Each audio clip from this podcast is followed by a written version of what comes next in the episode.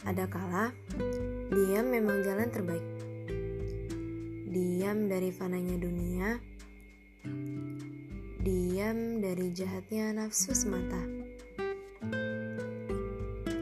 Aku suka diam, sebab ia mengajakku berpikir, bermuhasabah diri, berjanji untuk menjadi baik di kemudian hari.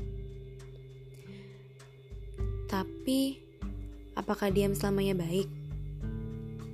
Ternyata tidak. Diam tanpa bicara hanya membuat orang lain bertanya-tanya. Merasa dirinya telah bersalah, membuat suasana keruh tanpa suara.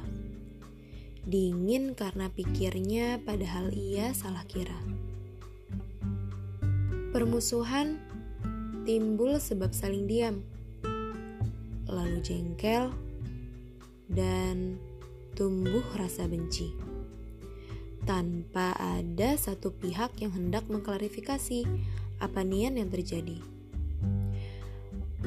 Lantas, diam seperti apa yang semestinya kita hadirkan?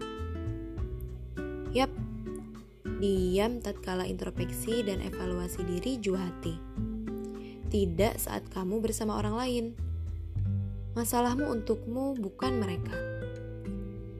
Tapi Bagaimana jika masalah itu merubah pola tingkah kita saat berinteraksi dalam artian bersikap diam dan dingin di depan orang lain? Coba tanyakan pada dirimu. Aku punya masalah. Mereka pun pasti punya masalah. Masalah aku ditambah masalah mereka mau jadi apa? Diammu adalah suasana hatimu. Diammu cermin dari sifatmu. Yang jelas, senyum di depan akan mengikis perlahan beban-beban di belakangmu. Menjadi orang yang menyenangkan pasti akan disenangi. Menjadi orang membebankan pasti akan dibebani lagi.